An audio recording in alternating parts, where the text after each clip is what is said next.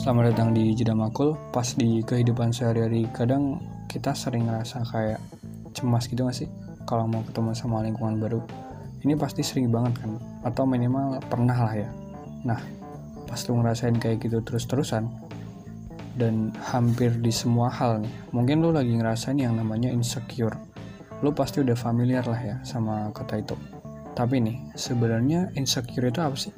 Jadi insecure itu adalah keadaan di mana lu ngerasa cemas atau takut berlebihan sama suatu hal di lingkungan lu atau orang lain. Jadinya ya lu ngelakuin segala sesuatunya itu dengan hati-hati banget gitu. Mungkin yang sering dirasain adalah pas lu ditawarin kerjaan, ya kerjaannya cukup menantang nih ceritanya. Terus lu mikir ke diri sendiri, gue beneran bisa nggak ya? Emang gue mampu ya ngerjain ini? Ah, pasti banyak yang lebih mampu dibanding gue ya ujung-ujungnya lo pasti jadi ragu gitu buat nerima kerjaan itu. Lo kayak nggak yakin aja gitu sama kemampuan diri lo sendiri. Gue yakin semua orang pernah ngerasa insecure sama suatu hal. Ngerasa cemas atau takut sama sesuatu yang baru. Atau ragu aja gitu sama kemampuan yang lo punya. Tapi ya sebetulnya hal ini tuh wajar banget gitu dan nggak apa-apa banget malah. Percaya atau nggak percaya insecure itu sesuatu yang normal Sebelumnya kira-kira apa sih penyebab dari insecure itu? Jadi gini, pada dasarnya setiap manusia itu punya self esteem atau yang sering kita sebut sebagai harga diri. Harga diri itu perasaan seseorang tentang seberapa berharga dirinya sendiri. Nah, harga diri ini munculnya nggak cuma dari penilaian seberapa berharga diri kita di mata kita sendiri, tapi juga seberapa berharga diri kita di mata orang lain. Jonathan Haidt pernah bilang kalau sebenarnya penilaian akan diri sendiri itu punya peran penting buat menunjang kehidupan manusia. Bahkan dari zaman nenek moyang kita dulu. Ya, meskipun nenek moyang kita siapa kita juga nggak tahu lah ya. Dia nganalogiin kalau pikiran kita itu kayak monitor sosial yang selalu tanya gini, seberapa berharga sih diri gue di mata orang lain? Sayangnya, otak kita tuh nggak langsung tahu apakah kita berharga atau enggak buat orang lain. Tapi nih, kalau kita merasa berharga buat orang lain, sangat mungkin buat kita dapat penghargaan balik dan ini bakal ngebuat kita lebih bersemangat dalam menghadapi hidup. Kebalikannya, kalau kita ngerasa diri kita nggak berharga buat orang lain, kita bakal ada pikiran kayak nggak dihargain atau bahkan dikucilin dari kelompok itu. Nah, masalahnya otak kita tuh kadang nggak langsung tahu kita tuh sebenarnya berharga atau enggak. Terus gimana caranya kita tahu kalau kita berharga buat orang lain atau enggak? Salah satu cara yang dipakai otak kita buat nyari tahu kita tuh berharga atau enggak di mata orang lain adalah berdasarkan penilaian kita sendiri khususnya dengan ngebandingin diri kita sama orang lain. Nah familiar kan sama kalimat itu? Kayak gini nih gue lebih berharga nggak ya dibanding dia? Apakah gue tetap berharga buat orang di sekitar gue kalau udah ada dia gitu yang lebih keren lebih good looking atau lebih apa gitu dibanding gue nah waktu lo nanya pertanyaan-pertanyaan itu ke diri lo sendiri dan jawabannya adalah lo nggak berharga di situlah perasaan insecure itu muncul.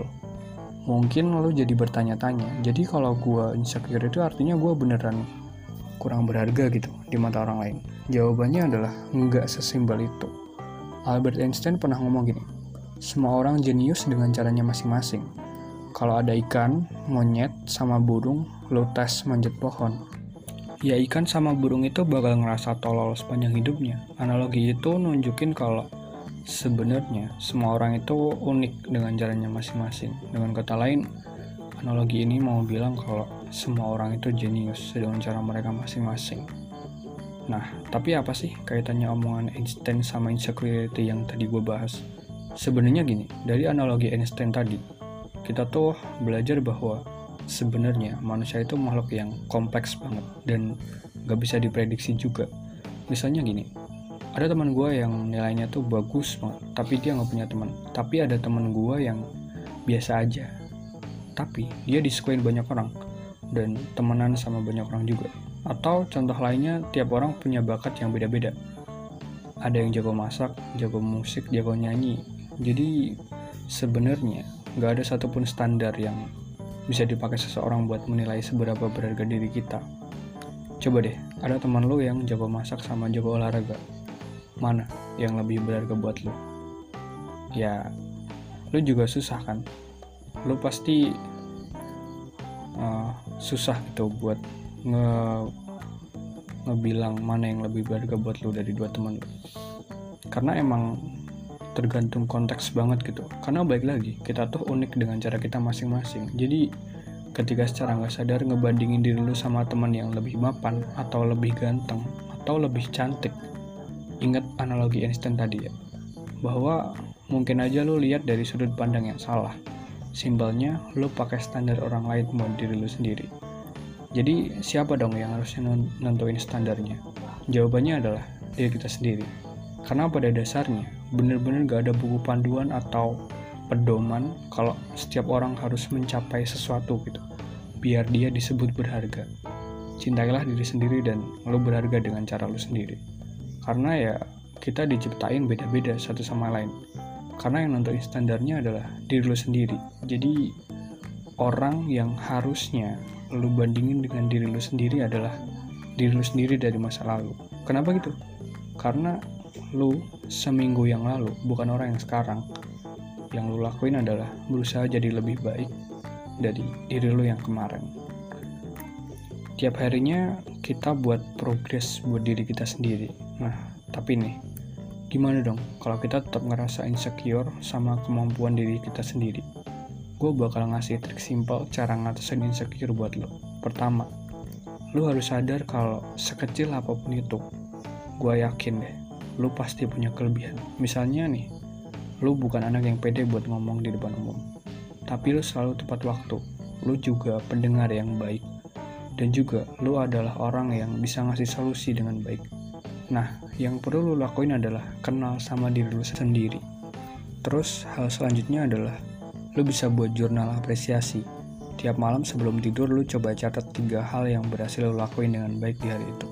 Misalnya lu bisa bikin mie instan yang kuahnya tuh pas banget gitu. Nggak kebanyakan nggak kekurangan. Dan rasanya enak. Atau lu bisa hafal lagunya Logic yang Homicide misal. Atau apa deh tulis aja semuanya. Dengan ngelakuin hal ini tiap hari lu jadi masukin gambaran diri lu yang positif ke alam bawah sadar lu. Sampai ketika pas lu ngerasa insecure lu otomatis bakal inget sama hal-hal baik yang udah lu lakuin. Oke itu aja dari gua. Gua harap lu belajar dari podcast ini Gue alias Wi. Danke.